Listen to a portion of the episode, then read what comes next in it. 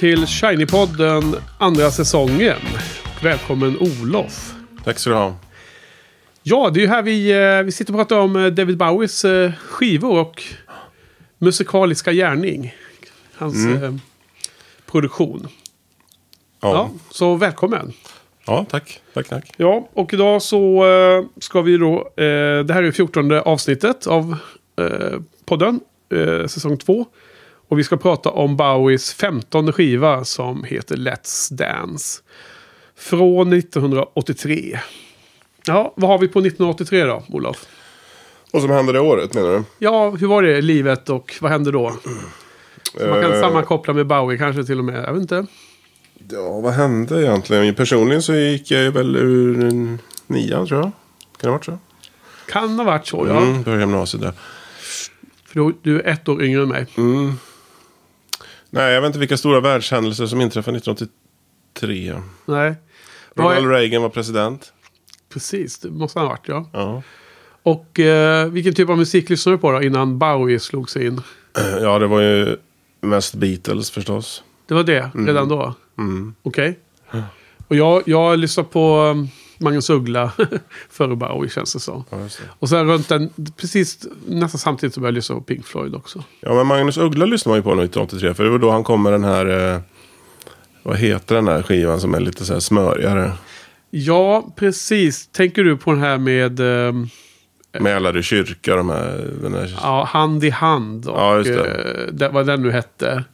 Men för den skivan var ju den första i declinen tycker jag. Mhm. Eh, jag sa fel tidigare tror jag någon gång, men eh, eh, Den ljusa framtiden är vår kom 1980 jag för mig. Mm. Så det var då han pikade med sin typ femte skiva.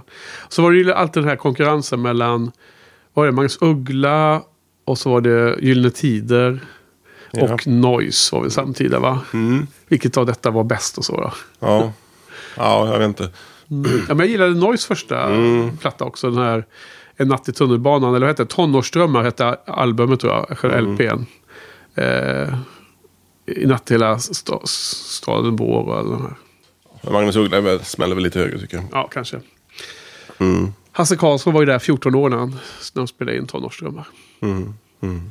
Okej, men Let's Dance då? Vad kan vi säga om det? Ehm, först och främst så är det ju lustigt att det var ju då jag började lyssna på Bowie. Och det var ungefär samma som för dig va? Eller, eller Nej, jag, du... lyssnade, jag började lyssna på honom eh, 85 egentligen. Ah, Okej. Men jag minns ju tydligt det här med eh, Let's Dance och eh, Cat People tror jag. Den låten kom kanske året innan där. Ja. Eh, den här an- långsammare versionen av den. Filmen kom ju 82. Ja, Cat People, och och var det, ju- där minns jag ju tydligt. Och sen så, alltså jag minns ju det här, känner jag. Alltså, det var ju, man förstod ju att Bowie var väldigt populär, även om jag själv kanske inte lyssnade på den. Men, men den här mm, China Girl och det var ju, man såg de här videorna då såklart. Mm. Så jag minns bara tydligt. Det är nog första jag liksom, jag, min, jag har ingen minne av andra Bowie-skivor. Nej. Mer än att jag har sett omslagen som jag har påpekat flera gånger. Ja, precis jag pratade lite om. Mm. Nej, men det, då var jag ett snäpp före dig där då. För, för då var du samtida med Tonight egentligen kan man säga. När du började plocka upp Bowie då. Mm. Om man jämför LP'na. Ja, eh, nej, Cat People kom ju för, året före. Och eh, eh, jag kommer ihåg att jag köpte den på LP. För att jag gillade singeln Cat People. Med Bowie-text och sång. Och heter han? Giorgio Moroder eller vad han Mm. heter. Hur uttalas det? Gjorde ju musik, filmmusiken. Och, eh, men, men på den tiden så, jag kommer inte ihåg vad, hur mycket kostade en LP på den tiden. Det var inte så f- förtvivlat dyrt. Nej, 50 kronor kanske. Ja, men ens det alltså. Skulle, säkert 34 och 95 och sånt där kunde de kosta säkert. Men de kostar kanske en L- LP det och en singel kanske kostar 12 eller 15 eller något sånt där. Så att det kändes liksom så ovärt att köpa singeln. Eh, för LP fick man ju liksom my- mycket mer musik då. Så att jag, köpte LP då. Så den har jag ju hört ganska mycket på. Men jag såg aldrig filmen när det begav sig. Så, såg du Cat People? Har du sett den sedan dess? Nej. Nej, för jag har ju nu då i... eh, För, för poddens skull har jag ju under de, de här... eh, Hur länge sedan var det vi poddade senast? Det var 14 dagar sedan. Ja, vi hade en liten paus här va? Varför hade vi det egentligen? Det råkar bara kännas rätt. Ja, det blev, blev så. Men då har jag haft lite mer tid, så jag har ju sett då Cat People nu. Cat People. Den filmen. Som är från 82. Och Bowies musik, eh, eller deras musik. Vem är det som är... Är det Nastasja Kinski som är med, eller? Nastasja Kinski spelar den kvinnliga huvudrollen i, i Irene. Och Malcolm McDowell spelar ju hennes bror då, Paul. Ehm, du vet han från um, Clockwork Ja, Orange precis. och allting. Så jag, tycker alltid han är så creepy. Ja. Alltså, han är säkert bra som skådis, men det är ingen favorit för mig. Och sen spelar ju då en man som heter John Hurd. Spelar, han är ung som fan då, då och han spelar eh, Love Interest eh, för eh, Irene. Och han heter någonting. Jag har glömt vad han hette i filmen då. Men det är de som är huvudpersoner kan man säga. Han är, man känner igen honom. För John Hurd spelar massor med mm, bi- biroller. Och han har ju han har varit med i massor med tv-serier och filmer. Men han, sällan att han har huvudpersonen. Men, men han spelar pappan till det här ensam hemma-barnet. I de här ensam hemma, du vet, som är så kända. Från slutet på 80-talet eller när det är 90-tal. Så för, för folk då som sitter och lyssnar här kanske kan, kan se en bild i huvudet då. Om de kanske har sett de filmerna ensam hemma. Men i alla fall, eh, så där har jag nu sett då inför den här poddningen. Och sen har jag också tagit med an, eftersom vi ska podda senare ikväll. Nästa veckas avsnitt ska vi ju prata om nästa skiva, Tonight. Och då är det ju tre filmer jag har sett inför Tonight. Då, då, så vi kan återkomma om det då. då. Men eh, det är då i Tonight-skivan, den eh, utgåvan med extra låtar som vi ibland brukar eh, nämna. Då är det ju tre låtar som alla är filmmusik. Och då, de tre filmerna har jag då tagit med att se då. Och, och inga av de här totalt fyra filmerna hade jag sett tidigare. Så att det har varit lite kul att, att gå tillbaka till 80-talet och se film som man alltid har känt till just för man har varit Bowie-fan. Som man känt till filmerna eftersom musik, musiken kommer därifrån. Ja, men du, eh, det här då, vad, vad, vad, vad hade du för, för några förväntningar innan du skulle börja lyssna in dig på Let's Dance? Du ska köra den här, det är lite, kul att få en kontext. Precis. Ja, men det var givetvis höga förväntningar. Det, man vet ju liksom att det här är bra grejer. Så Ja, det var väldigt höga och eh, kanske lite för höga. Men, men. ja. Vi får se. Men du var ju lite tveksam redan förra gången för mig. Att du, du, du var orolig för att du skulle ha för höga förväntningar, var det inte så? Så var det nog. Att du, Jag kände ja. det på mig. Ja, Någonstans. Eh, för jag hade också jättehöga förväntningar eftersom det var min... Eh, alltså det har varit en så en favoritskiva så länge och att det fanns en, en eh, potential att det här nostalgiska skulle slå in extra mycket. Att lyssna på den igen då. då. Eh, annars var, alltså den var ju en gigantisk succé. Gjorde ju Bowie till den här megastjärnan. Och Ja. till den här true eh, star quality. Eller vad, vad är det vi kallar det? Vad är det vi, vi kallar det? Världsartist. Världsartist. också. Ja, men det, det är nog, det är nog han blev en världsartist. Det var nog inte riktigt innan. Nej. Vi har ju ganska strikta kriterier för världsartist. Bland annat Eric Clapton är inte en världsartist, bara för att klargöra liksom. Ja, precis. Han, även- Trots att han är väldigt musikalisk och duktig på gitarr. Ja, även, exakt, de, de där klockrena reglerna, just det. Eh, det är sen gammalt. Så att han slog igenom, han var ju otroligt framgångsrik med den här skivan. Men vad, hur, hur tror du att man, eh, rockkritiker, musikkritiker ser på skivan nu i efterhand? Är den liksom högt ärad eller, eller har den liksom tappat i aktning? och så här? Vad, vad tror du? Nu har inte vi gjort någon Nej. genomtäckande belysning av det här. Men, eh, har du någon det känsla? känns väl lite grann som den har tappat. Men ä- att den ändå är, spec- speciellt vissa låtar eh, av de här, av de här kanske mest kända låtarna. Att de är ändå väldigt starka. Mm. Så att eh, visst, det känns som att eh, skivan eh, har tappat lite. Under, under årens lopp. Men när de ändå tittar på de, här starka låtarna så är de fortfarande högt aktade. Mm. Med all rätt. Ja, och jag, jag tycker det här är en bra, mycket, mycket bra skiva. Och då, då så bedömer man ju allting subjektivt. Men om man läser runt lite så, så tycker jag att det finns... Eh, man får en känsla av att det är mer, mer liksom cred. att tycka att Heroes är en bättre skiva. För att den var liksom mitt i The Ber- Berlin Trilogy. Och liksom det är skumma instrumentala låtar. Och du vet, Brian Eno är med. Och Jo, självklart. Tony. Visconti och sådär liksom. Det är liksom... Så att det, det, det, är så man ska tycka då, Ja, eller hur? precis. Så Det är liksom den, den korrekta, Precis. om man ska vara lite så här finkulturell inom Bowie, Mm. eh, Bowie-klicken, känns det som. Mm. Om man liksom gör en väldigt grov förenkling av det man läser runt omkring om de här skivorna tycker jag. Mm, absolut. Och, och då är ändå Let's Dance ändå ganska högt upp. Vi, vi kommer ju till andra skivor här nu, Mm. de närmsta två. Som, De har ju inte riktigt eh, vad heter det, åldrats med värdighet känns det som. Mm. Men nu, nu, nu, nu går jag före i handlingen. Här. Vad heter det? Jag, jag tyckte att det var, en, det var en ganska intressant att läsa om upprinnelsen till den här skivan. Då, då. Alltså, om man rekapitulerar historiken lite så hade han ju varit otroligt eh, kreativ under hela 70-talet och ändrat på stil flera gånger om. Han hade liksom hamnat i den här eh, kreativa miljön med Branino och Visconti och gjort de här skivorna, tre. Eh, Low, Heroes och Lodger. Så han gått vidare eh, med Scary Monsters där 1980 med Visconti fortfarande och med ett uttalat mål att vara lite mer kommersiell och lite mer anpassa sig lite mer till... Eh, han, han var väl sugen på att mm, göra hittar och sånt igen. Och, och lyckades med det mycket väl. Liksom. Göra en skiva som fortfarande har en väldigt unik eh, signatur och känsla liksom, än idag. Så, så det är väl där han är lite i sin mentala resa. Och sen har jag ju läst om att han in, emellan skivorna och det ehm, innan inspelningen av Let's Dance så var han iväg på någon eh, semesterresa i någon söderhavsö. Och då hade han, eh, känner du till den här grejen? Eller? Det har du också läst kanske någonstans? Ja, jag tror det. Ja, men då hade han spelat in en, ett blandband som han skulle ha med sig för att, för att ja, inte kunna ha musik och inte bli uttråkad och så. Så han, han spelade in favoritlåtar som han visste att han kunde lyssna mycket på om och om igen. Och då började han liksom, insåg att han, han jättemycket av det här var då så här svart musik, mycket rhythm and blues, R&B musik liksom.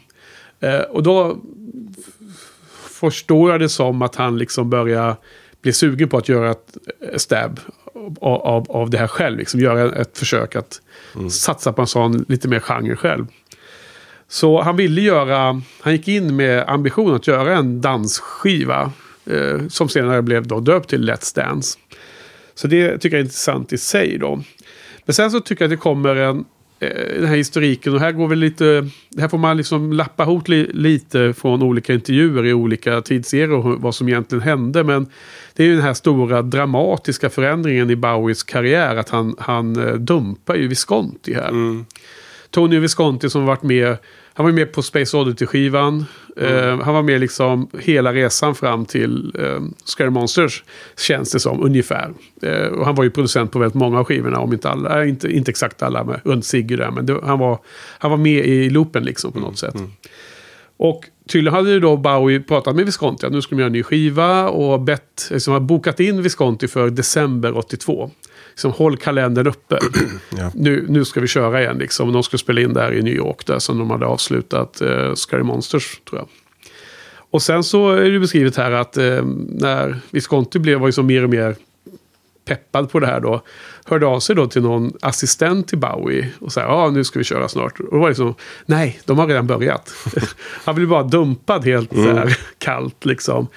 Eh, väldigt konstigt sätt. Då, och exakt vad som hände det kan man kanske inte veta då. då I historiken och efterbehandlingen. Men det var ju, konsekvensen blev ju, alltså det är ju uppenbart att man, man kan ju förstå att Visconti måste ha blivit extremt eh, eh, ska man säga, besviken eller sårad eller liksom känt Ja. sig avsnoppad ju. Eh, och eh, det här är ju 82, det, det dröjde 20 år innan de jobbade ihop igen. På Heathen år 2002. Så okej, tiden läker väl alla sår i någon mening men eh, eh, ganska dramatisk förändring och jag tror att eh, till en otrolig nackdel för Bowies fortsatta karriär. Mm. Så har det onekligen varit. Eller håller, håller du med om den? För det här sista var ju min egen lilla analys. Liksom. Ja, självklart. Jag tror vi tog upp det i något avsnitt innan här också. Att, eh, han har ju dumpat vissa fundamentala... Ja, just det. Du, du nämnde de här och- viktigaste som har försvunnit ur hans eh, krets. Då. Men han hade väl träffat den här Nile Rodgers som blev liksom ersättaren för Visconti. Eh, någonstans då innan. Jag kommer inte ihåg var han träffade honom. Men det var av någon händelse bara va? Ja, Någon fest eller det någonting. verkar ju vara som många gånger att man hyr in sig på en skivstudio och sen träffar man andra band Mm. eller musiker i samband med att de har en annan studio i samma komplex, samma byggnad. Mm. För tydligen var han ju och spelade någonstans, spelade in material någonstans ehm, ja, i Schweiz eller vad det var. Och så var ju där, um, vad heter det, Queen var där och spelade. Det var då de bara gjorde Under Pressure ihop, Mm. helt plötsligt. Det är ju också en uh, singel som kom ut, vilket år kom den ut? 81 eller? 81 tror jag den kom ut ja. Eller 82 eller? Nej, den kom ut i oktober 81. 81. Och den, den låten Under Pressure är med som extra spår Mm. på Let's Dance på den eh, nyutgåvan på 90-talet av EMI då som ägde de här rättigheterna då. då. Ja. Så att jag tror att det är väldigt många sådana. Att han hade träffat honom. Var det inte, var det inte Carlos Alomar som introducerade honom till honom också eller? Jag minns inte, men Nej. eh, på något... eh, Av en händelse kändes det som att de... Ja, de klickar väl där då på något vis. Ja, alltså och, och um, Nile Rodgers har ju liksom levt på det här um, resten av sin karriär verkar det som i Let's Dance. Han har spelat låtarna live med sina egna band och den här, den här um, blåstrion som de... eh, Borneo Horns, ja. Ja, som de liksom Mm. pu- pushar för i den här skivan. Har liksom haft en egen karriär Mm. och, och hållit på och spelat Let's Dance och sådana saker vid sidan av. Och det verkar som att de fortfarande pratar om detta. Man ser intervjuer med Nice Rogers som är liksom långt, långt efter 80-talet. Så, Mm. så, så det var ju viktiga events i deras karriär uppenbarligen. Men, Mm. eh, och han, han, jag tror han lyckades väl eh, säkerligen ju få till ett... För mig är Let's Dance-skivan, det är åtta låtar i originalet då, på LP-skivorna. Fyra på varje sida. Det är väldigt, väldigt här, bra, konsistent, tight feeling. Hela skivan tycker jag hänger ihop, om man säger så. Eh, Faktiskt, trots en cover som vanligt då. Den här gången igen. Ehm, men, men att Bowie släppte lite av producentansvaret. Från att ha samarbetat så nära med Visconti mm, på låtarna. Och ha den kreativa process som krävdes där då. Till att släppa det i Niles Rogers med bra resultat. Och sen släpper han ju vidare i Tonight. Och då blir det ju resultatet börjar ju då es- skenande bli sämre liksom. För, för han har liksom tagit ett steg tillbaks. i Det här. En annan grej är ju också att eh, han är inte spelar någon, någon instrument va? Både på det här Ja. och Tonight. Eller väldigt få i. Precis, han, har, han går in i att bara en sångare. Vad, vad, vad kan det betyda då menar du? Ja, det, jag vet inte, men det är ju en stor skillnad mot de andra skivorna i alla fall. Ja. Att han helt lämnar bort liksom, musiken på något vis. Ja. Ja, nej men... Eh, Och eh, Nile Rodgers, eh, alla kanske inte känner till det, men han är ju, kommer från gruppen The Chic då. just det, som, Chic som du nämnde här förra Ja. veckan. Vad har vi för låtar där då? Good Times är en låt. Jag, jag kan inte Eh. dem där, men jag känner igen... När man läser så känner man igen att det var sådana här disco... Ja, och det är ju väldigt, jag tycker när man hör dem, jag lyssnar inte på dem, men jag har ju lyssnat på dem nu då. Eh, Ja, man har sett dem på tv och sådär efter och då har man förstått att man, det hörs ju väldigt tydligt att, eh, Ja. att det är samma producent på dem och Let's Dance. Det är ju samma sound liksom. Ja. Samma gitarriff. Ja. Han är gitarrist, Nile Rodgers. Ja. Och ehm, han hade ju, de hade några andra musiker som de plockade upp lite här och där. Och sen var det väl någon, någon av stationerna så drog han in, in några kompisar från, eller bandmedlemmar från Chic. Mm. Tror jag läste någonstans. Så att det finns någon av, spår, av låtarna på skivan som har liksom flera av Chic-medlemmarna i, Mm. Ja. i, i line-upen då. Mm. Så att det var en eh, härlig mix där då. då. Nej, så nu, nu så släpptes det ju ganska nyligen här, bara för några veckor sedan då, med anledning av Bowies eh, födelsedag. Släppte de ju demoversionen av Let's Dance Mm. som, som download som man jag köpte från eh, Amazon eller något liknande. Eh, eh, och den har du hört förstås. Mm. Eh, den är lite cool. Den är ju en strippad, eh, mycket, mycket förenklad version. Men, men Mm. den är ju inte... Alltså, ibland hör man demolåtar som är väldigt annorlunda. Som är, har vidareutvecklats mycket. Men det här känns ändå som att ganska mycket av eh, grunderna finns där redan. Jättekul. Men jag tror även det finns eh, tidigare, alltså Bowies egna demo. Okej. Men- Men då var de tydligen helt annorlunda. Men de, Men- de har ju Men var inte- är inte det här Bowies demo? Eller vad menar du? Nej, men det är ju innan Nile, Rod- Nile Rodgers är med på den här demon också. Ah, Okej, det är någon uh, mellanting då. Som Mm. ser det som. Ja. Precis. Okej, nej. eh, Mm. eh, men det här är en skiva som är ganska framtung om vi börjar Mm. prata om sida A och sida B. Ehm, jag tror du har tidigare varit inne och nämnt Let's Mm. Dance som ett sånt exempel. Ehm, den, har ju, den har ju fyra singlar va? Men, men de, de tre stora singlarna är ju låt 1, 2 och 3 på, på albumet. Eh, Det börjar med Let's Dance som släpptes innan skivan kom ut. Och sen så kom väl China Girl och sen kom Modern Love. Och de här tre låtarna ligger ju i omvänd sån ordning på albumet. Och sen har jag även då fjärde låten Without You en singel som är mycket mindre och kanske bara släpptes i några länder eller vad det var. Mm. Eller har du skrivit upp det exakt? eh, Data där eller? Nej. Nej. Eh, ja, det var egentligen bara en låt som inte kom med på singlarna. Det var ju Ricochet. Ja, om man räknar in En B- B- ja, B- B-sidor, B-sidor precis. etc. Och, eh, eh, och det gjordes ju då eh, videos till åtminstone, alltså det gjordes videos till flera låtar, men eh, videorna till Let's Dance och China Girl flög de över till Australien, spelade in. Med han David Mallet som var, var den här regissören, musikvideoregissören som jag sökte namnet efter någon gång Ja. tidigare. Ha- Han har ju gjort de flesta av de här än- ända sedan 77-snåret. Mm. Och även senare. Han, eh, om man kollar på hans IMDB så har han bara gjort musikvideos och konsertvideos. Alltså han har gjort um, Spider, Glass, vad heter, det? Glass Spider DVDn och han har gjort Mhm. Ehm, Reality Tour, han har gjort uh, Pink Floyd-konserter, Gilmore-konserter, massor med olika artister. Så det är bara musikvideos och så här fullängdskonserter på DVD som han har gjort. Inga liksom vanliga spelfilmer då. Ja. Men där gjorde de ju eh, två videos. Mm. Eh, med eh, slags socialt eh, patosämne liksom, mot rasism och för eh, ur- urinvånarna i Australien etc.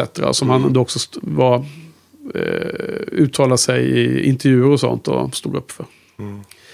Okej, men vad, vad tycker du om första sidan då? Jag menar, börja med Modern Love då, en, eh, en ösig låt eh, som också sen väldigt snabbt kom in som extra nummer och så på konserter typiskt. Va? I många, Många konserter avslutades med Modern Love, bland annat Serious Moonlight-turnén Mm. 83.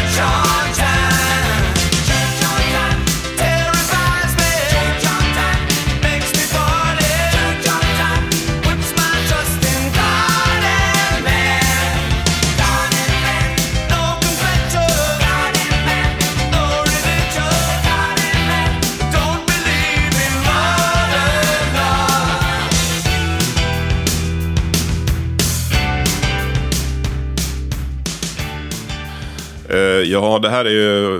Äl- Älskar du den? Ja, jag älskar den såklart. Ja, jag älskar också den. Inte såklart, men den, den, den har ju... Det här är en av de låtar som, som kritikerna inte verkar tycka har, har eh, stood the test of time så bra. Nej. Men, men jag tycker den är suverän. Och eh, en suverän LP-sida. Mm. Eh, sista låten är inte riktigt lika bra då, som inte är Without You. Men vi har ju Modern Love, China Girl och Let's Dance då. Ja. Det är ju ja, det är ju fruktansvärt bra sida. Så. Ja. Svårslaget tror jag. Ja, alltså det här är Även, eh, väldigt bra. även svårslaget av honom själv. Ja, En av de bättre måste det vara. så sa du även förra Mm. gången vi pratade om eh, Ja, jo, eh, Scary Monsters. precis. Eh, men jag håller med, alltså den här första låten är ju otroligt bra tycker jag. Jag gillar att den har en melankolisk grundton. Som ehm, jag tycker mycket av hans musik har. Och man, man, eh, när man läser tolkningar av texter som då är, inte alltid är speciellt uppenbara. eh, Så är de oftast liksom, har en, ett, en djup i sig och en, eh, det, det, det finns en det finns saker att analysera, det finns saker att tolka och det finns olika tolkningar. Och allt det där tycker jag är mer spännande än att det är något väldigt simpelt. Eh, och väldigt liksom eh, klart och tydligt och ingenting finns att, att, att liksom fundera på själv. Eh, och att det då också finns ett melankoli i det hela, tycker jag bara är underbart.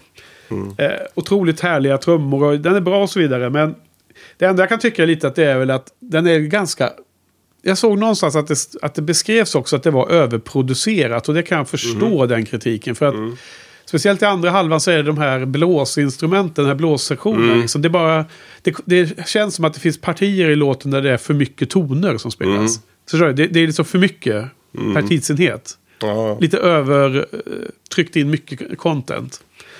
Det, Ja, de här Borny Horns är väl ingen höjdare tycker jag. Eh, överlag. Sen passar väl in i den här dansstilen Mm. som hela skivan har.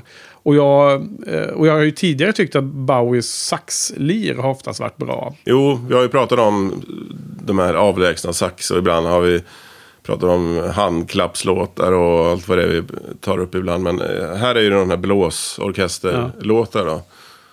Jag gillar, jag kan inte riktigt säga vad, vad det är som är så dåligt med det, men det blir, blir liksom för mycket på vissa ställen. Ja, det låter som vi är inne på samma håll Mm. där då. I, och eh, man får väl klippa in en liten eh, sektion där, det är som mest ösigt.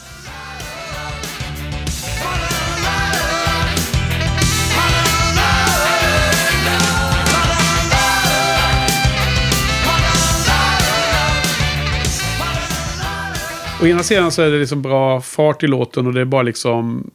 Sen på scen blir det perfekt liksom tycker jag. För den är en perfekt avslutningslåt. Eller extranummerslåt. Men eh, det, kan vara lite för eh, muddy, muddled eller vad man ska säga. Liksom lite för eh, grumligt. Spelades på Live Aid också.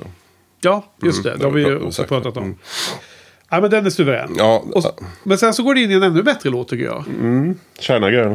Ja, och vad- är bakgrunden på den då? Ja, den är ju skriven av Bowie och Iggy Pop.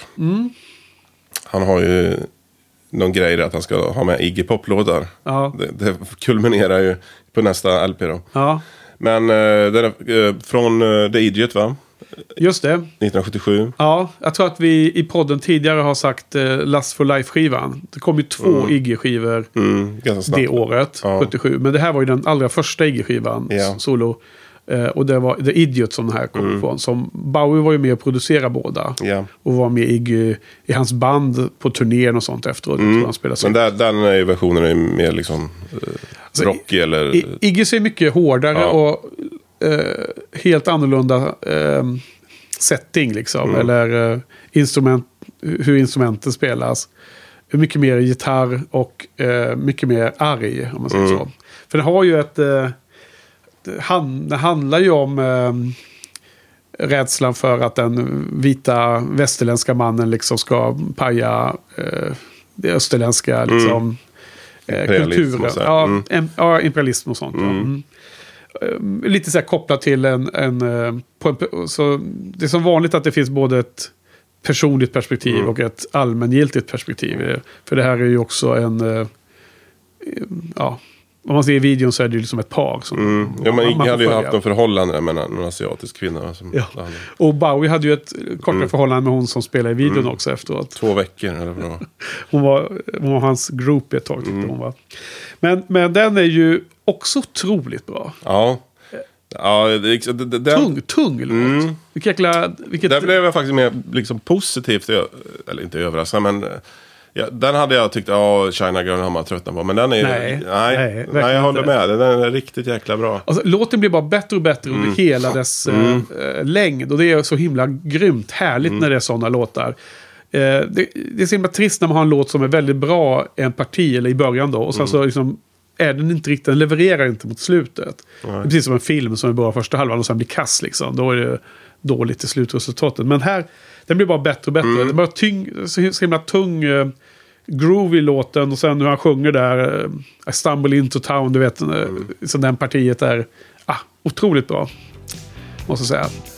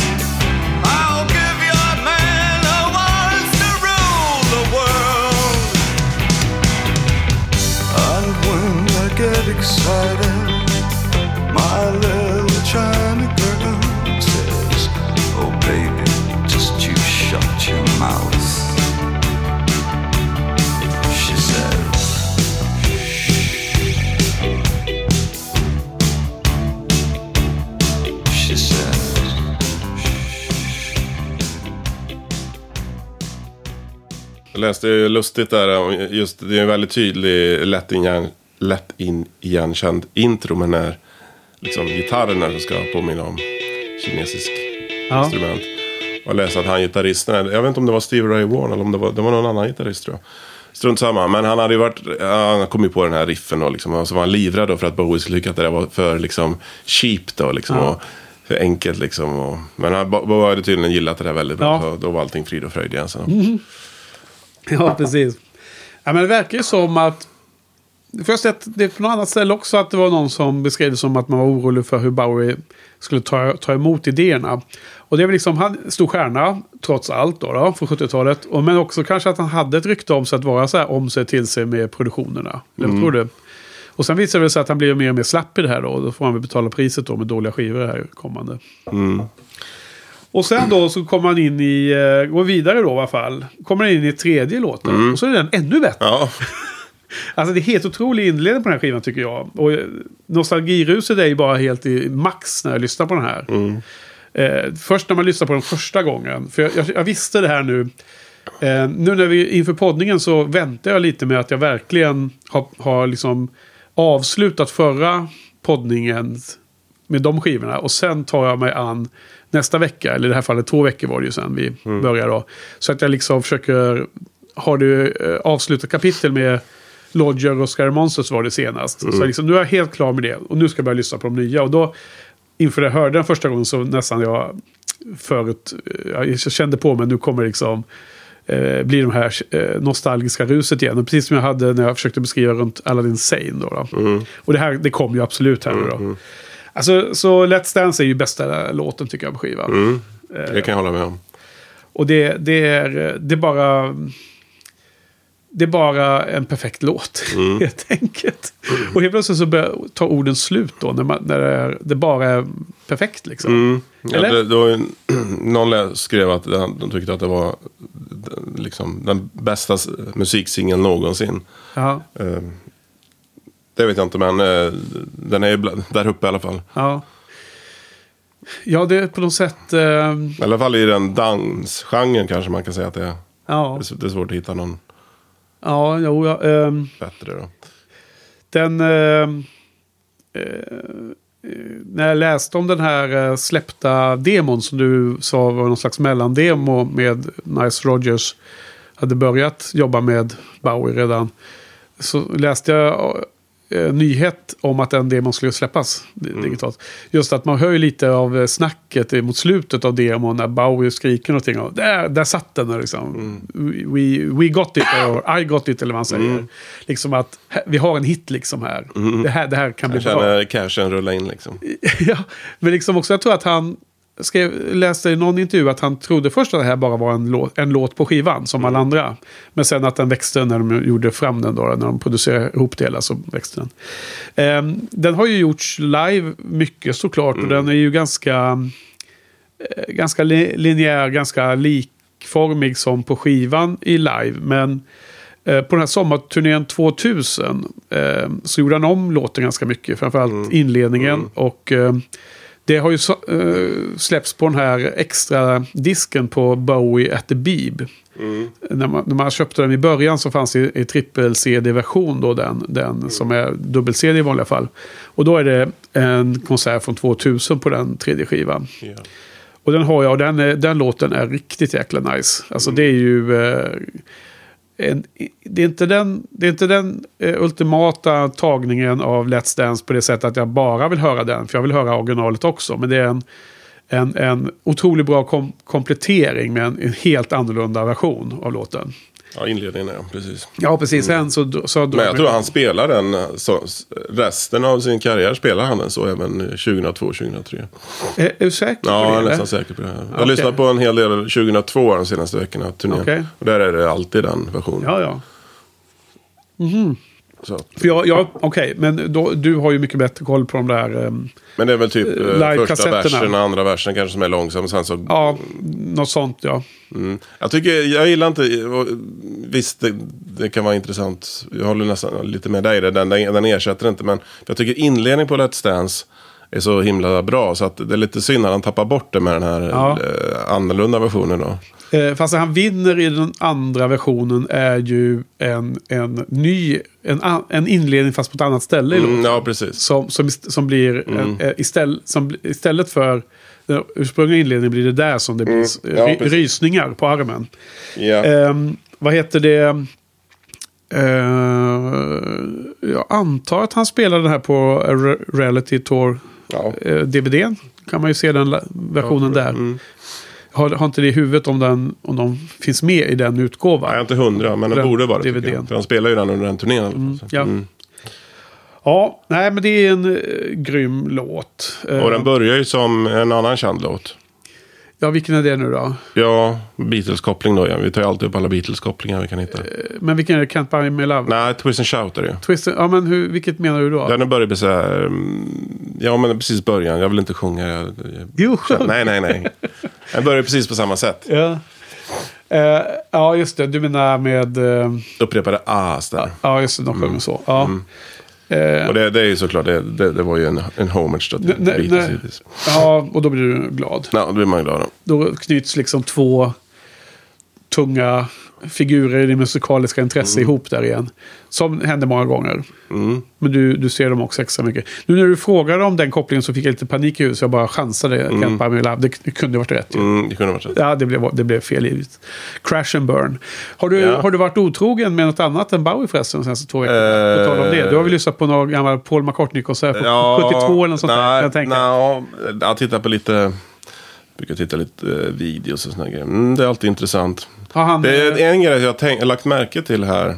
Man tittar på mycket Bowie och Beatles. Att det är, Bowie är lite mer allvarlig artist tycker jag. När man tittar på de här Beatles tidiga från 63-64. Ja. Det är ju sån himla liksom, sprallighet på något vis. Och de här fåniga intervjuerna de blir utsatta för hela tiden. Och de Ja. frågar om de har liksom, peruker och, och liksom, Ja. det, det är ett helt annan eh, lättsamhet tycker jag. Ja. I de där låtarna. Beatles tidiga låtar. Än det. Bowie har väl liksom, ja, det skulle vara precis i början av Bowie när han har de här fåniga cabaretlåtar, eller vad man ska kalla dem för. ja. Men, men, det- Sen är det mer en allvarlighet i, Ja. på något vis. Eh, ja, men jag håller med. Jag, jag, jag pretentiös nivå. Som, förstår precis vad du menar. Mm. Eller jag, jag håller helt med om eh, hur det upplevs. Sen exakt varför det är så är nog svårare att lista ut. Men dels är ju de Beatles ett band. Och det är väl liksom mer troligt att man får en sån de är ju jargong. nästan tio år innan också. Ja, men det kanske inte har någon större betydelse, eller? Jo, men det var väl en annan liksom, typ av musik där i början av 60-talet. Att vara en lättsammare Ja, det tror jag. bransch då. Ja, men det var det väl. Ja. På något vis. Jag menar också att det, de hade säkert en jargong inne i gänget. Och så Mm. spred den sig vidare när de intervjuade och så. Medan Bowie har varit en- ensamstöring mycket Mm. mer. Jo, det är säkert en stor skillnad faktiskt. Ja, ja. Ja. ja ehm, vad heter det? När man ser, vi ska väl också nämna lite kort mer om videorna, musikvideorna, både på den här skivan och sen nästkommande då, som vi ska podda om senare ikväll. Då ser man ju när han dansar så är det ju alltid de här movesen som Mm. vi kände igen från de här skiv, musikvideorna vi pratade om från eh, ja, Lodger och så vidare. Mm. Han har ju sina dansmoves liksom. De är, de är ganska... mm, Mjuka ben, Ja, spagettiben som rör sig. han kör lite, det är som en mini dansshow av en eh, väldigt förenklad Presley-variant. Elvis Presley ska jag säga. Vad heter det? Men då sista låten, första sidan, är ju en låt som jag... Eh, jag kommer att du pratade om eh, The Secret Life of Arabia som en bortglömd låt som du inte hörde så mycket på för att den låg efter de här... Ja, det var egentligen tvärtom skäl då, men att eftersom du inte lyssnade så mycket på B-sidan av Heroes så var den bortglömd. För mig var Without You nästan bortglömd för att de första tre låtarna på den eh, Let's Dance-skivan är så dominerande mer. Men nu när jag hörde på den här så tycker jag den är superskön. Just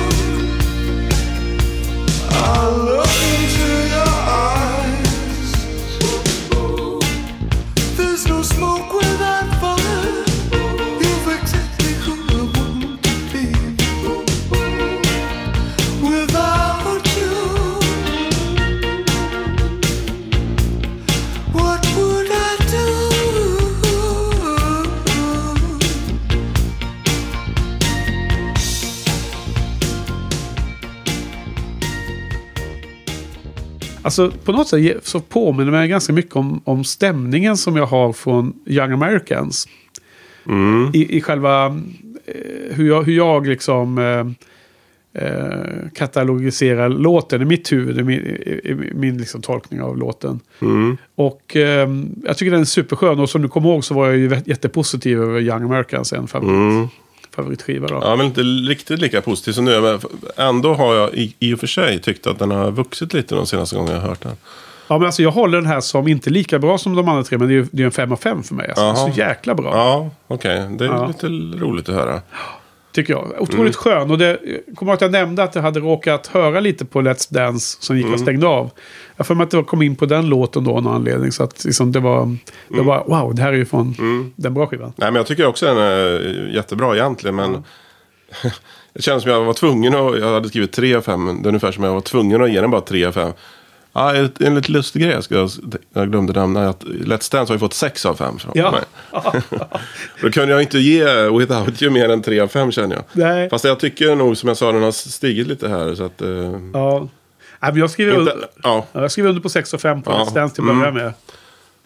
Sen en annan lite intressant grej här tycker jag att eh, jag tror det gäller fler låtar på LP, men eller, eh, speciellt Let's Dance som är extremt nedklippt på singeln.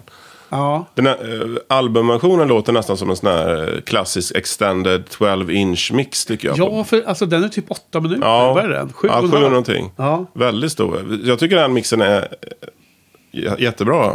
Inte alls så irriterande som sån här 12-inch mixar brukar vara.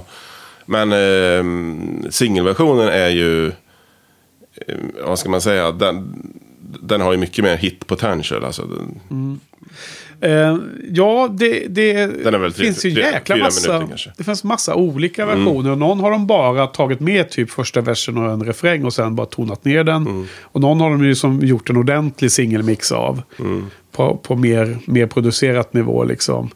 Eh, mellanlång då. då.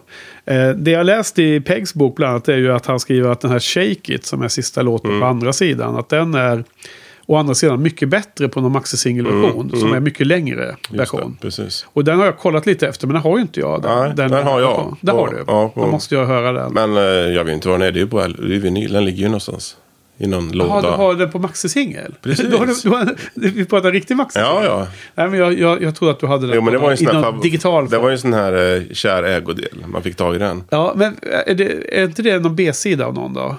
Jo, det är en B-sida av... Eh, är inte Modern Love eller något sånt där? Kan vara. Nej, B-sidan på Modern Love en live-version av Modern Love? Jo, men jag tror jag har någon 12 inch. Ja, skiva. okej. Och där finns det två låtar på andra. Nej, Nu kanske jag hittar på. Nej, jag är nästan säker. Jag är säker på att det är en 12 inch. Men jag vet inte om det är Modern Love. Men undrar om inte det är det. Alltså. För, för övrigt kan man ju säga Mm. att jag, när jag nämnde att jag köpte LP-skivan med eh, Cat People filmmusiken istället för singeln. Mm.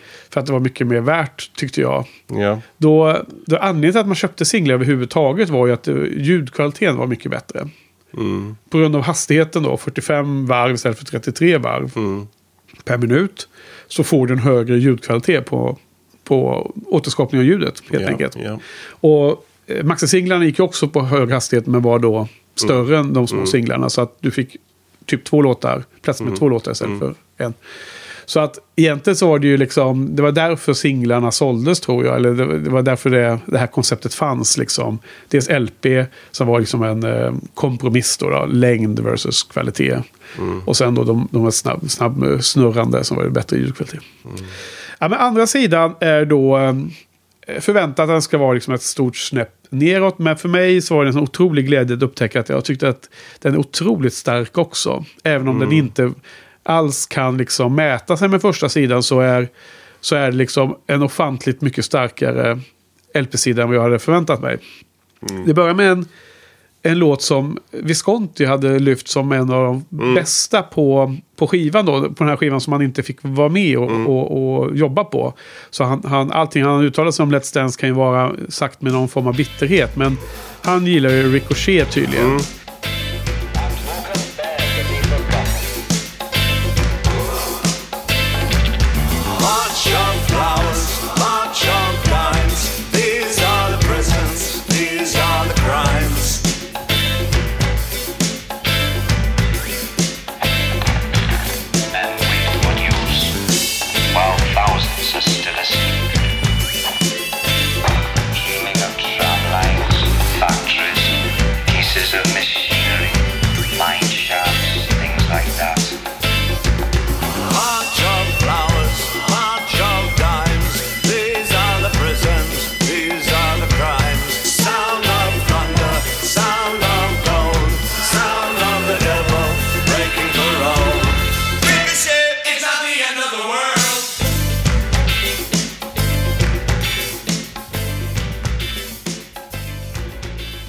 Och det är den här liksom minst dansanta och minst eh, liksom kommersiella och lättsmälta låten av alla de här på, på de här Ja. skivorna.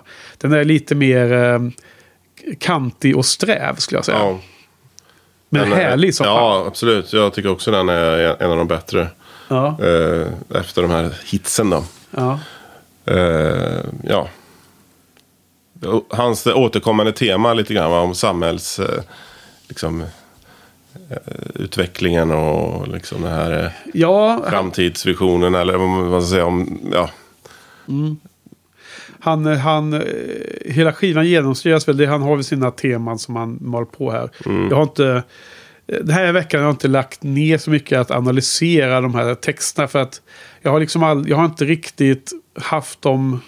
Jag har inte umgåtts med låtarna på det sättet när jag har eh, hört skivan hela mitt liv. Så det kändes liksom så eh, apart att just nu inf- börja liksom läsa på. Det blir liksom ja. för um, ovant för mig att prata de termerna. Så har du någonting på, på Mm. Nej, det var, det, handlingen så får du gärna precis, bidra med det. Precis. Nej, men det var ungefär det. Att Ja. det, det kommer även på nästa Tonight. Just det, det är väldigt återkommande. Det här liksom negativa synen på samhället. Och ja, ungefär det här lite Big Brother-grejen. eh, Ungefär va? Ja, och ibland är det här med kommersialismen. Mm. Han liksom känner sig pressad att producera. Och ibland är det här eh, västerlandets eh, imperialism. Men den här videon för Let's Dance, där är det ju liksom... Vi kan ta det direkt kanske, prata lite om den. Just. Där är väl någon sån här kärnvapenbomb med i bakgrunden också. Ja, lite kort. Det, det är liksom som en slags eh, varning om framtiden. Men det, videon, det får ju folk gå in och titta på shinypodden.se och, och hitta fram till eh, Let's Dance-avsnittet. Och där i show notes så finns alla videorna inlagda. Och det är bara att klicka och, titta. Och även då omslaget och sånt som vi får nämna sen. Men eh, eh, Let's Dance-videon handlar ju om eh, det som ett par, ett ungt par eh, av... Eh, vad heter det nu då? Aboriginier, ja, typ. Heter det så. ja, ja. Australisk eh, ursprungsbefolkning. Ur- ursprung, ja. Och hur de... Han sjunger om den här Red Shoes, en vanlig... Vanligt använd symbol för eh, rikedom och framgång och eh, flärd, kan jag tänka. Och hur hon, tjejen där, eh, vill ha det. De, de kommer in i storstaden. Alltså de börjar ute i bushen i princip. Då de är i någon outback där, i någon bar som de börjar. Bowie står och sjunger. Och tillsammans med en eh, ståbasist som spelar. Lustigt med inspelningen var ju tydligen att de här eh, personerna som är där inne, de är, var ju som lokala gäster där. Det var ju liksom inga skådespelare och de eh, trodde ju inte knappt att det var Bowie tydligen. Så det tydligen bara var helt bisarrt allting med inspelningen. Men sen så här paret kom in i, storstaden och blir så förförda av det västerländska och kommersialismen och butiker och allting. Och köper skorna och allt sånt där. Och sen så slutar det med att... Och sen är alla de här hot, hot, hotfulla sakerna som händer. De ska bli förstörda, de ska bli liksom förintade i sin kultur och allt möjligt. Man ser den här, en väldigt snabb blick, vad heter ögonblicksbild på atombomben som du sa. Och sen så det slutar med att de tar sig tillbaka ut liksom till friheten och kastar skorna och förstör dem. Precis. Så då var de fria igen då. Ja, coolt. Ja, men det är lite så det- den videon har. Jag har en liten rolig historia att berätta om Ja. den här videon också. Ja. Eh, Gitarristen här, känd gitarrist, Steve Ray Vaughan. Ja, Vi ska prata lite mer om honom sen. Men han hade ju tydligen sett den här videon då. Och liksom, han hade blivit sur då för att Bowie stod ju liksom och mima hans gitarr... Eh, ja. solo då. Liksom Ja. spela på gitarr. Ja, För, för Bauer har en gi- gitarr. ja där precis. Och då, då ja. spelar han ju en gitarrsolot där. Ja, ja. Eller ja, mima om man ska kalla det för. Ja, luftgitarr Luft, spelar. ja, precis. Det tyckte ju Steve Ray Vaughan. Det, det där var ju hans solo liksom. Jag vet inte, det var någon som skrev att Steve Ray Vaughan han har liksom inte förstått det här med eh, liksom vem som, vem som styr det här. Ja, eh, och vem, och vem, vem är stjärnan liksom? vems namn står på LP. Ja, precis. Men eh, i den scenen så står han med vita sådana här serveringshandskar på sig Mm. när han spelar på gitarren. Det ser otroligt opraktiskt ut. har, du, har du någon tanke Ja, men antagligen är det helt omöjligt att spela gitarr med sådana. Ja. Men det är Så här bomullshandskar ser ut som. mm, väldigt... Eh, ja, men det, det betyder någonting. Ja, det, något det Som betyder. inte du och jag vet. Ehm, och mer då så är, det ju, är ju skivan avslipad. Man läser någonting om att China Girl var så himla mycket mindre utmanande här i Bowies version jämfört med Iggys ursprungliga version. Och att det som, eftersom den framfördes mycket mer softare så var den inte lika liksom ehm, aggressiv och så. Även om den hade samma text då. Men då finns det ju en annan låt. eh, Den här Criminal World som är andra låten på andra sidan. Det är ju en cover från något band som jag inte skrivit upp nu. Har du det? Nej, eh, det var ju synd att jag inte gjorde det. Eh, eftersom du inte gjorde det heller. Nej, för jag, får, jag får titta här på skivan lite snabbt. Det, det var i alla fall en cover som, som bara var några år, år gammal. Och eh, eh, det lustiga med den då, det är från ett band som heter Metro. Och deras debutalbum. Eh, Det är något syntband tror jag. Och där är det ju liksom... Eh, jag tror att det handlar om eh, gay-tema. Och sånt där. Och att Bowie smyger in en sån... Eh, hans liksom anläggning för att framställa sig själv som androgyn och vara lite mer leka med eh, sexualitet och personlighet och sånt där. Återkommer här då, där han liksom kastar in en sån här cover lite mitt bland alla de här eh, slicka danslåtarna. Liksom är att, igen då, liksom ett litet så här... ehm, det går under radarn eftersom de andra låtarna är så, så eh, superanpassade till eh, ra- radio play liksom. Men det här kom väl också ut som singel någon gång, va? eller hur var det? Det var någon B-sida på något, eller? Ja, eh, alla utom Ricochet har antingen varit A eller B-sidor som jag sa. Ja, Så att jag vet inte, den var med, med, med på någon av dem där. Det här bandet Mm. har jag aldrig hört namnet av tidigare i alla fall. Nej. Metro. Mm. Och sen då så... eh, Men jag tycker den är väldigt bra den låten i alla fall. Jaha. Och eh, jag, jag, Ja, den är... Visst, okej. men det Okej det, är, en cover liksom. Det, Jo, men alltså du, jag du kan har... inte, det går inte liksom att tycka att, eh, fan, att den är skitbra. Det är inte, Bowie som, det är inte Bowie som har gjort det. Nej. Fast jag, jag tror att jag har varit lite omedveten om att det är en cover. Så jag Mm. har alltid liksom, eh, tolkat den som en Bowie-låt. Så att Mm. för mig är den fortfarande på den goda sidan då. Men, så. Ja. Ja, ja, men den är i alla fall skön tycker jag. Och den har en härlig groove. Ja. Eh, sen kommer då Cat People. Och Mm. eh, alltså det är ju väldigt eh, eh, synd här nu. För Bowie gjorde ju texten till eh, låten av Giorgio Moroder. Eller hur uttalas det här jäkla namnet? Mm. Nu, jag vet inte. Moroder, Moroder. Han har gjort massor med filmmusik i vilket fall och är bra på Mm. Ja. det. Eh, och eh, den låten, nu såg jag ju filmen. Mm. Eh, bara för att ha sett Cat People och eh, kolla av hur de här filmmusiken funkar. Och det, eftersom jag då hade hört på hela LPn filmmusik, inte bara den här specifika låten som är i slutet av filmen, så adderade det otroligt mycket i filmupplevelsen. För att eh, musiken återkommer ganska mycket, den används mycket och på ett bra sätt i den här filmen. Det, Eh, vissa filmer skiter ju i hur musiken används och, vissa är väldigt duktiga på att använda det på rätt sätt i suggestiva scener och förstärka känslor och så vidare. Och här tycker jag det passar väldigt bra. De använder det på ett bra sätt. Och i och med att jag liksom har hört skivan så mycket och gillar även de här instrumentala bitarna som är, som är de övriga, övriga låtarna på LPn då. Så adderar det till filmupplevelsen ordentligt. Och jag, jag tycker att det var en jäkligt häftig film. Jäkligt bra alltså. Och av de här fyra, för jag såg ju tre filmer för uh, Tonight-snacket senare. Av de här fyra så var ju den här klart bäst. Den här, skivan, Ja, den här filmen. måste se den filmen då. Så den är ju liksom en erotisk thriller. Och eh, det är lite så eh, 80-talscamp. Men, men jag tycker att det görs med en så himla... Det är en otroligt tydlig eh, feeling i den här filmen. Men hur, är han med och spelar här nu Bowie eller? Nej. Nej, han är inte det. Nej, inte. Okej. Det Så är kanske är det- bra. Och den, ja, precis. Han är väl Eh, ingen så här super...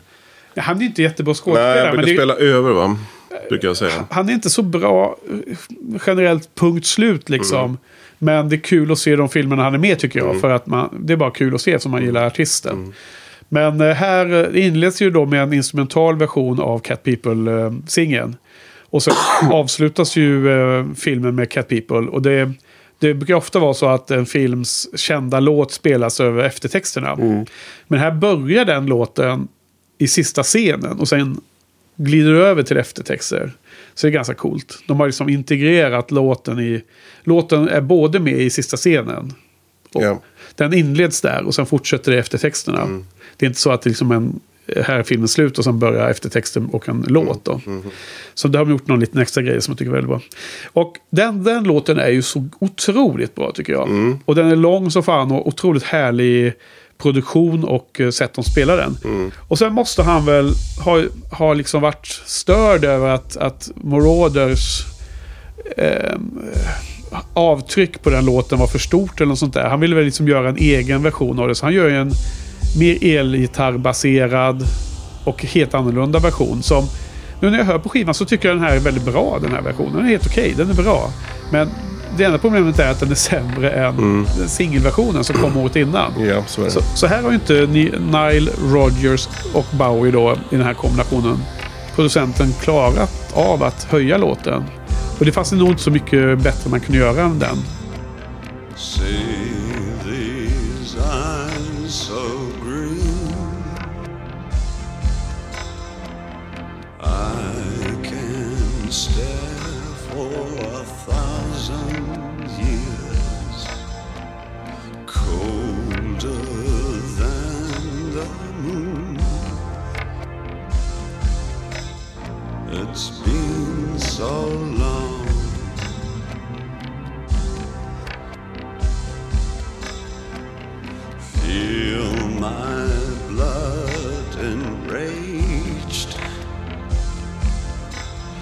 It's just the fear of losing you. Don't you know my name? Well, you've been so long. And I've been putting out fire with a castle.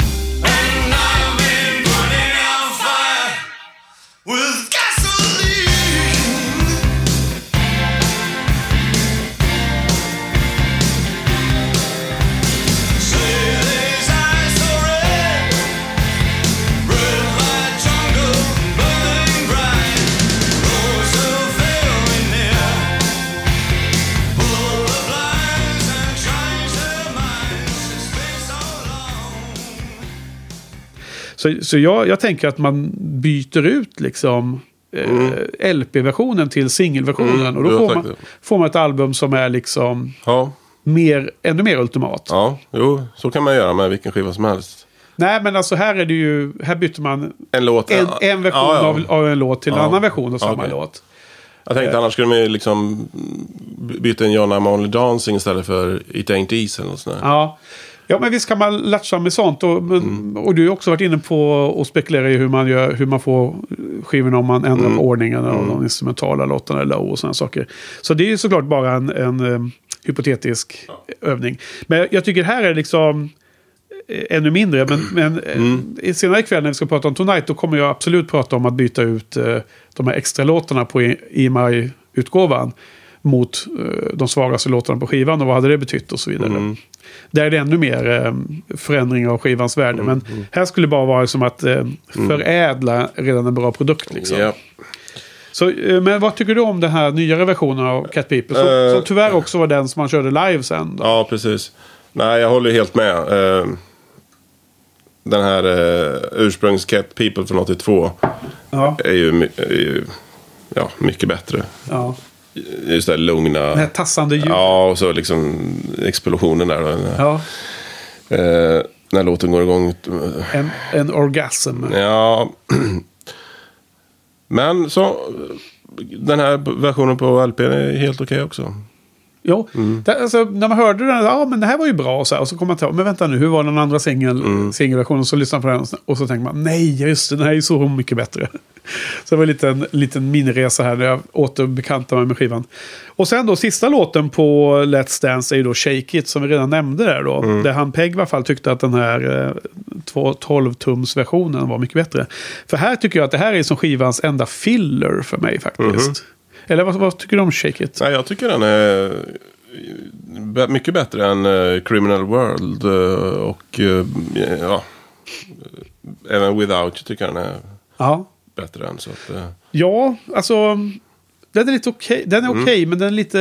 Jag bara känner att den är ganska intetsägande. jo, det är väl en typ, sätt. jag håller med om att det är väl typ en filler. Men i den högre regionen av... Ja. Jo, alltså det var så konstigt att... eh, För ibland... eh, Ja, jag tenderar ju att hålla med dig om när du pratar om att... När man håller på med LP-skivor att de artisterna ofta bemödar sig över att liksom inleda och avsluta med bra låtar och sådana saker. Och det är liksom så här konstigt hur han har... Det är nästan som att han har liksom tagit de bästa först och sen bara svagare och svagare hela skivan igenom. Tycker jag då, då i min värld. Att det är liksom en fallande skala hela vägen in i mål. Eh, konstigt nog då. Men i alla fall, eh, ja, vad har du mer på Shake It då?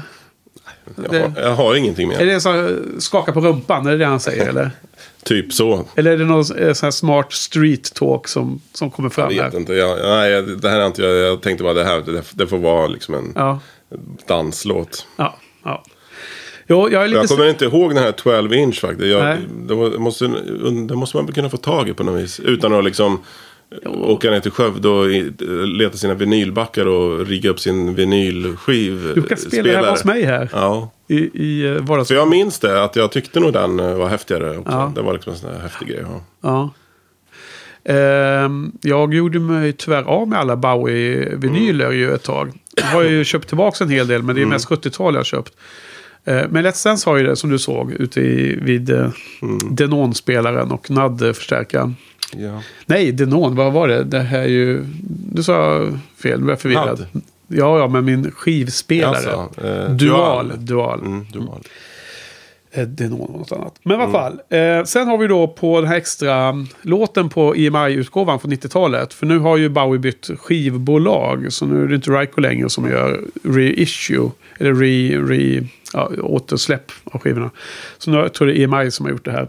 Då har de lagt till en låt och det är Under Pressure. Den singeln från en, en Queen-skiva. Där, som är duett mellan eh, eh, Freddie Mercury i Queen och Bowie. Eh, vad tycker du om Under Pressure? Mycket bra. Jag tycker den är en ganska trist låt. Jaha. Okej. Eh, men det är en typisk sån här låt som man har eh, tjatat sönder lite tycker jag. Mm. För mig. Eh, men du gillar den? Ja. Jag. Skulle den platsa på skivan eller? Ja. På egna, egna meriter? Skulle den ersätta någon eller? Ja, den skulle kunna ersätta, ska vi se, Criminal World får den ersätta då. Ja. Mm. För att få, få bort det hemska covern. Ja. Ja. men om vi ersätter Criminal World och så tar vi in eh, originalversionen av Cat People. Ja, och eh, 12-tumsversionen av Shake It. Shake It. Mm, Då, har vi en riktigt vass... Ja, eh, då har vi nog en 10 poängare. Ja. Men nu blev det inte så. så att, Nej. ja. Ja. Ja, Nej, intressant. Mm. Men du Spännande. gillar ju, eh, vad heter han, Freddie Mercury. Alltså jag är ingen stor Queen-fan, nej. Alltså jag, Ja, jag tycker ju- han är fantastisk Ja, performer och, och deras framträdande på Mm. Eh, Live Aid. Var ju du som lyfte och så. Alltså jag, han sjunger bra så, men det, jag är inte någon jättestor Queen-fan Jag har inte faktiskt. lyssnat så mycket men jag tycker de här kändaste låtarna Ja. är ju suveräna. Ja.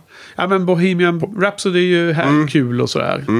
Men med Wayne's World och allt det här. Så att det är ju kul. Och Brian May gillar man ju. Ja, Han verkar ju ha en trevlig prick liksom. Han, ja, men han är, Gitarristen där. ja, ja, men, stort, stort lockigt hår. ja, men han är lite... Han är Ja, inte som sådär- Eva hade träffat, var det inte så? Ja, just det. Precis. Ja.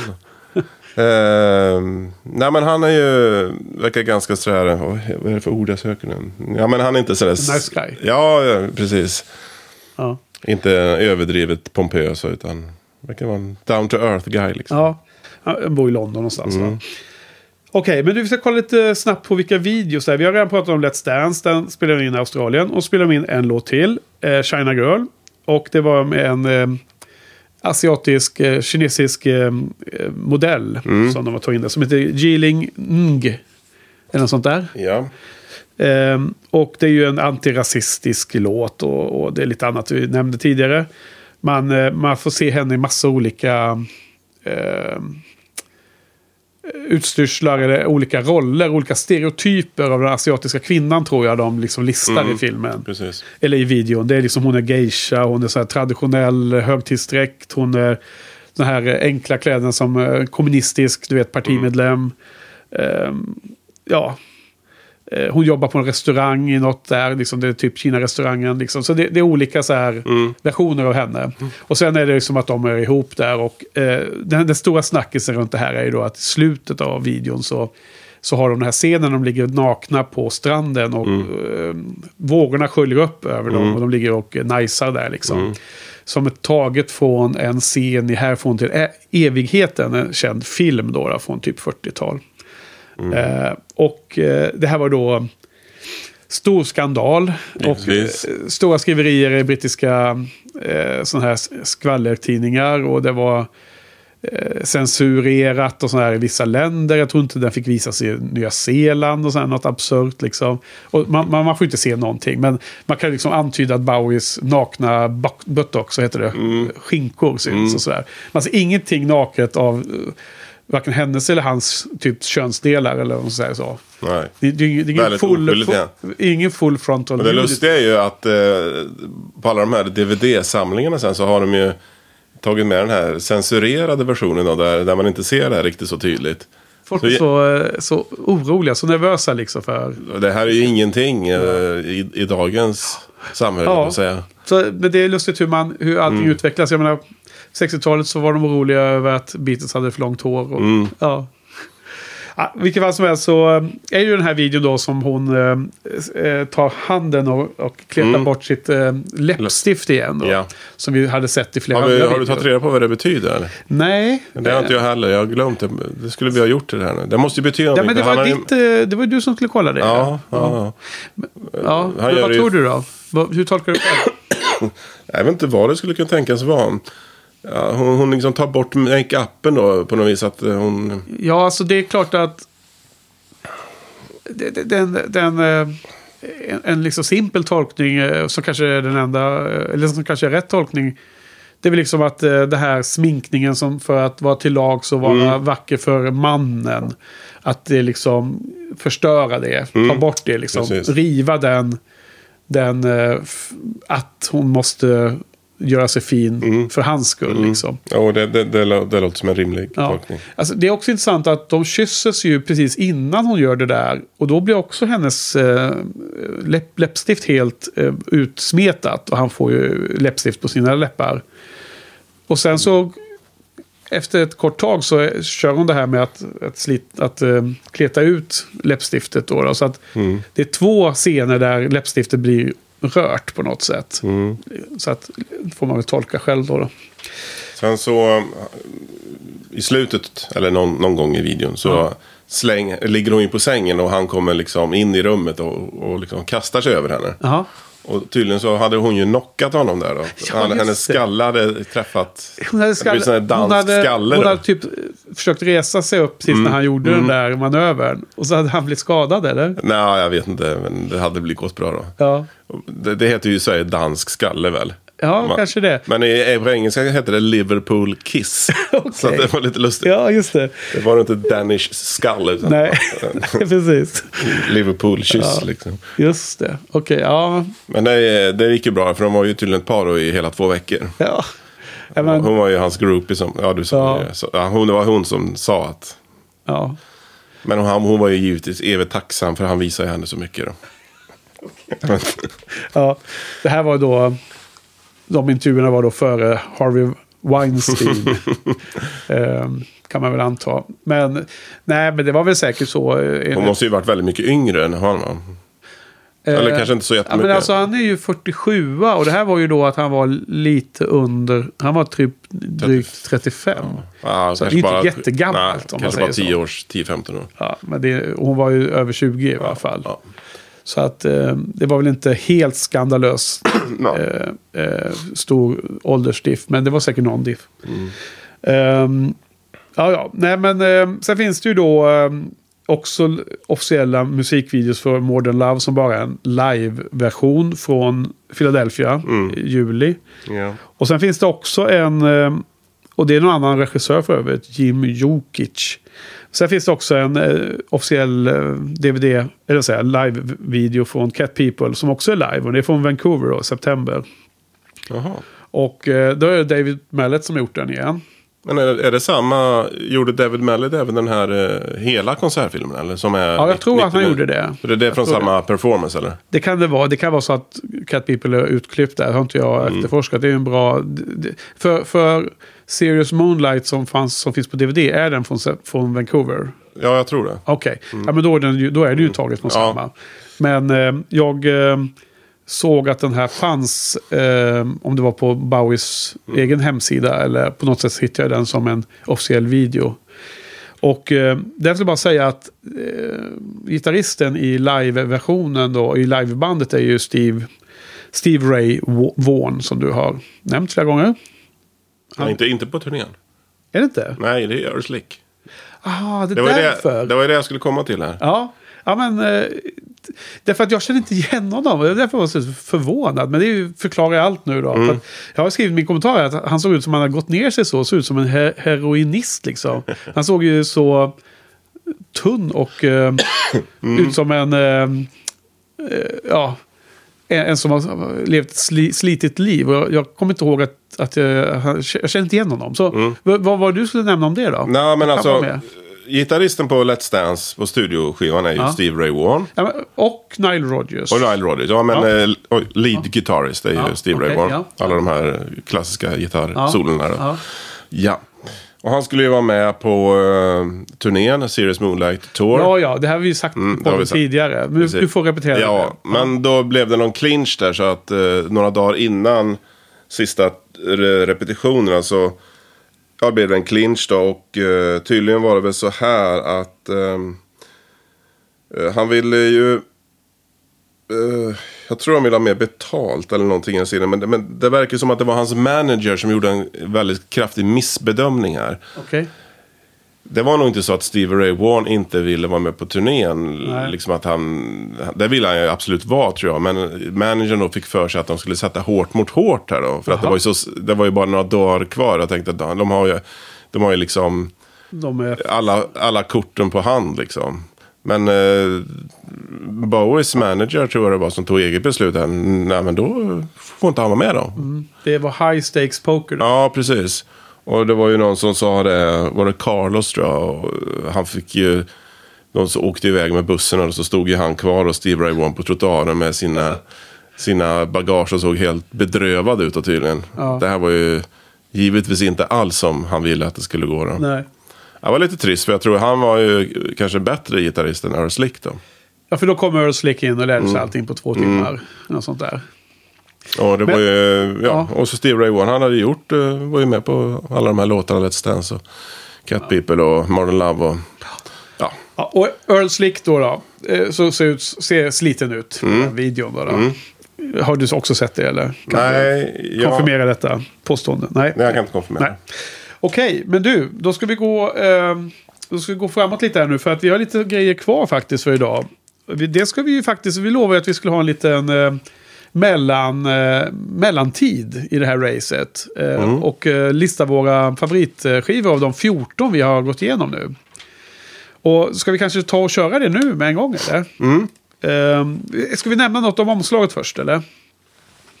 Ja, det kan vi göra. Det är ju så här att det är tecknat omslag. Uh, Bowie är klädd som en... eh, eh, nej, det är inte alls tecknat. Vad snackar jag om? Baksidan är tecknad, förlåt. Ja. Men Bowie står med eh, Boxhandskar. Ja, det. och sen är den väldigt eh, efterproducerad, stiliserad eh, med någon konstig Mm. bakgrund. Eh, får jag få titta på det där? Jag har ju LPn ligger ute i vardagsrummet men jag orkar inte hämta den nu. Men det är det här med att han har boxnings...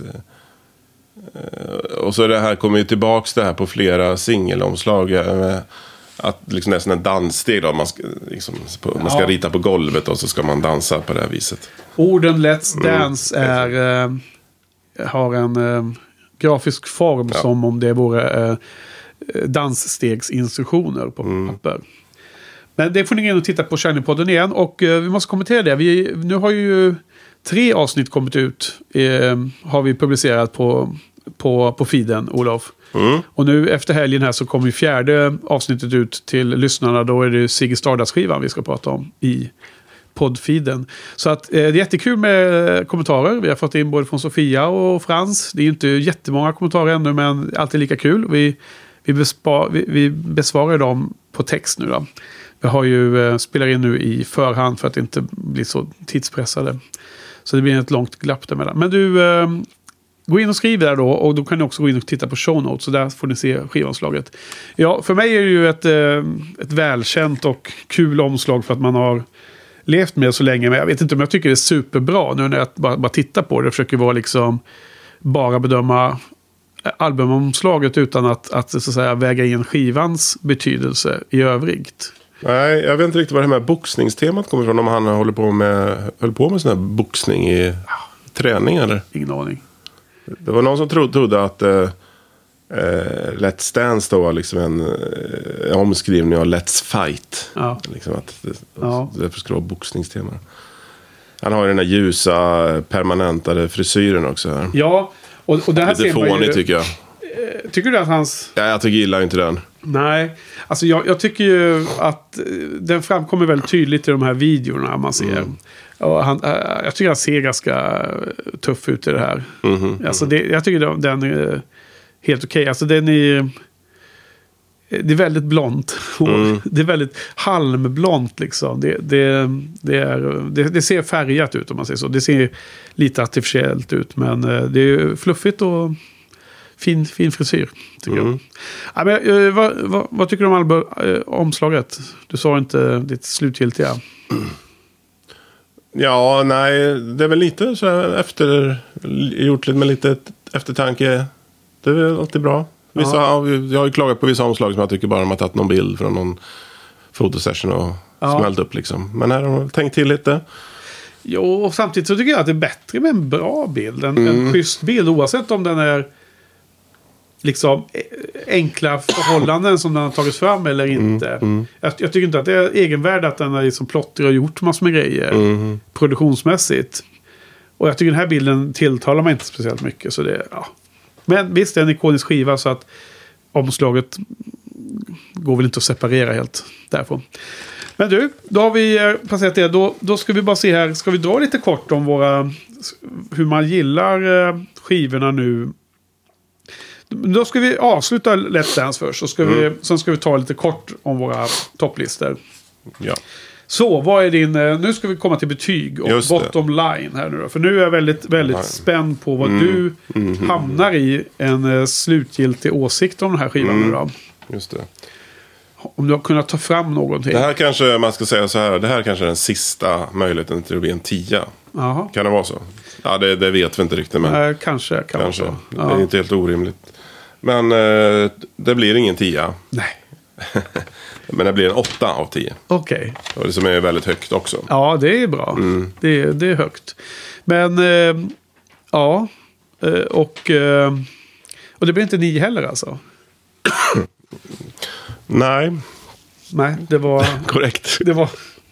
Okej, nej för mig, eh, nu är det 10 av 10 för mig. Ja, härligt. Ehm, och... ehm, Är det, är det din första tia? Eller? ja, det är det. Jaha.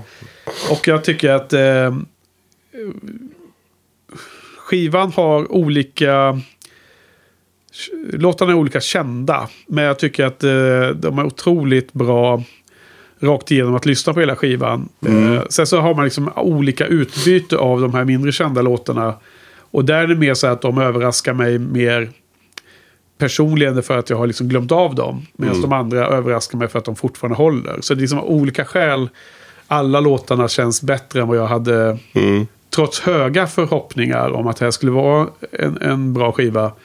Så blir jag nästan överraskad över att den var bättre än vad jag kommer ihåg den. Och det gör ju att det är klart att då trycks betyget upp, tycker jag.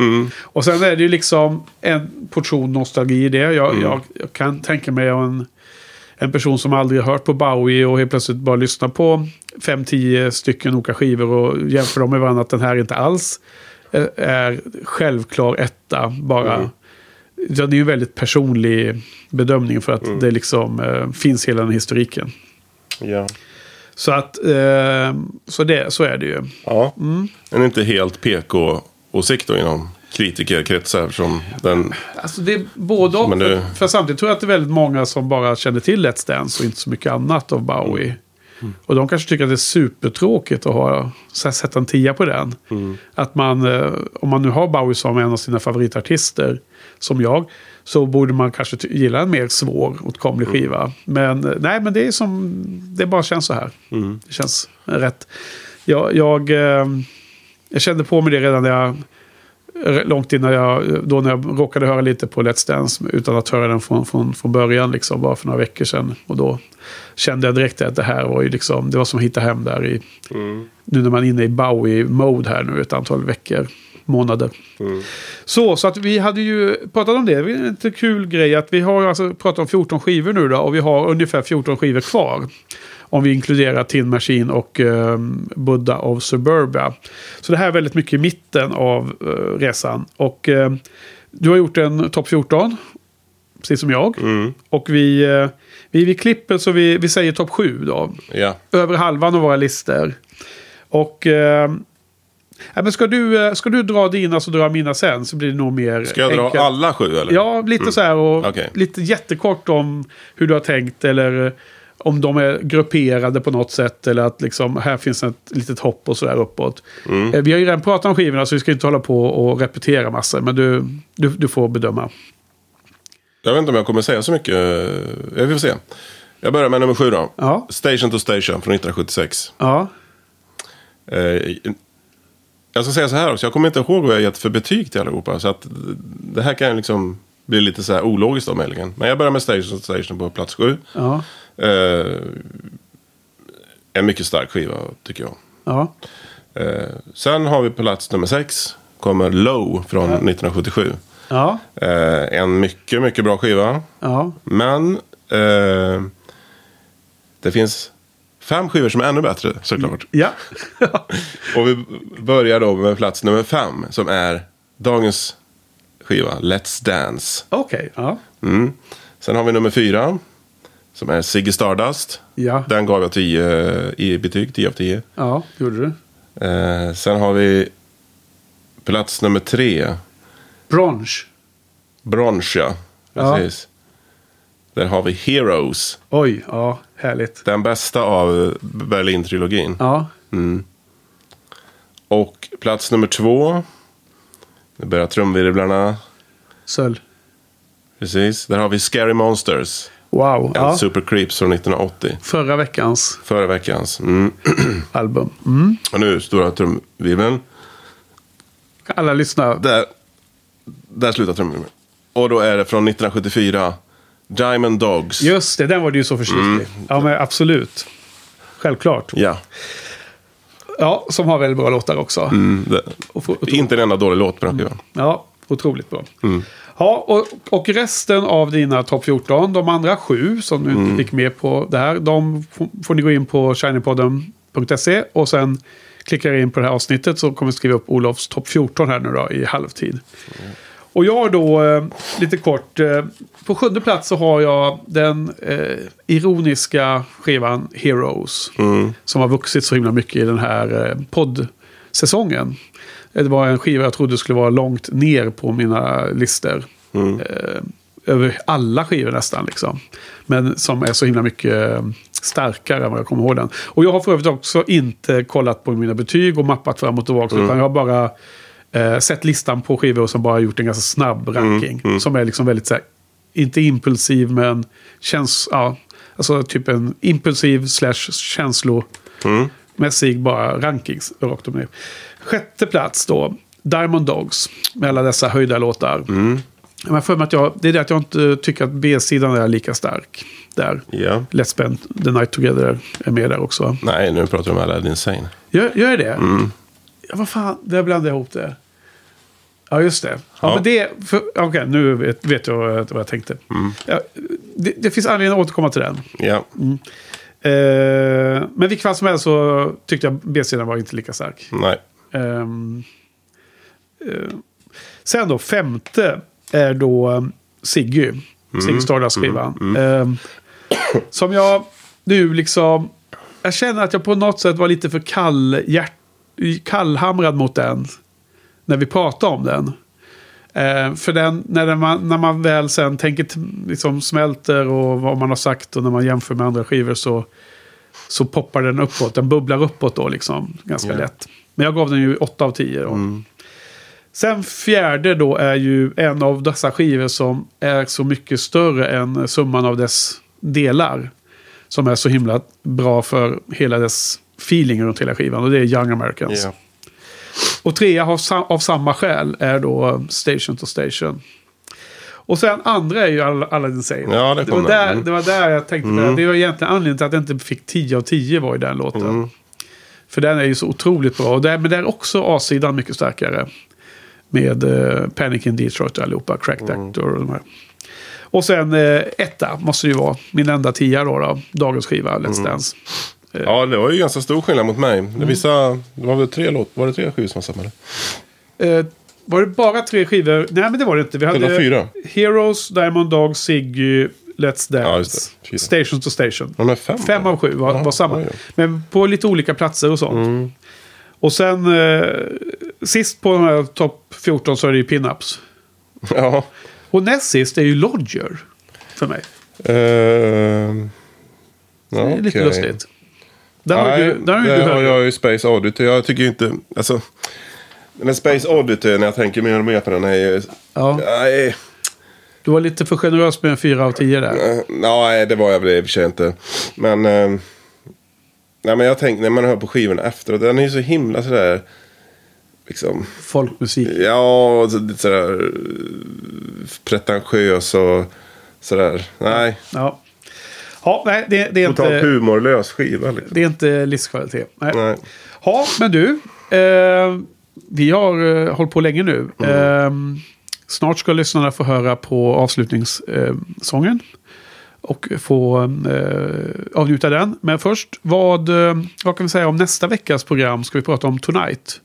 Hur var din inställning till att eh, ge dig an att eh, lyssna på den eh, 12 gånger? Ja, En jag- gång per dag Ja, i det två är veckors tid. så många gånger jag lyssnar på den kan jag tänka. Ehm, Skämtar du? nej, jag skämtar inte. Okej. Ehm, jag tror det. Nej, inte tolv. Är det- men är det mer, som- mer än fem eller Är det jag som har tvingat dig till, Mm. till detta nu eller? Nej, men jag, jag, var, jag var väldigt nyfiken egentligen. För att eh, det är sällan jag tror jag lyssnar på den från start till mål. Sådär. Det är vissa låtar eh, tycker jag väldigt bra om. Eh, och eh, det är väl så några har väl kanske stigit lite. Men det är ju så sorgligt alltså. Tycker jag. Det här som hände här nu mellan Let's Dance och Tonight. Vi, vi kommer till mer detaljer. Mm. Men du hade mixade förväntningar men också en stor nyfikenhet. Ja, min precis. tolkning. Ja.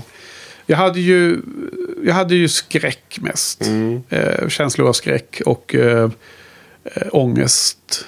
Eh, men också en viss del av nyfikenhet likt du. Mm. Eh, vad var nu detta? Hur, eh, hur kom det sig att man inte har hört på skivan sedan typ 80-talet nästan? Mm. Frågan är om jag har hört den från och med... Jag menar, runt 90 började ju grunge-eran och då, då tappade jag lite Bowie där under ganska Mm. många år.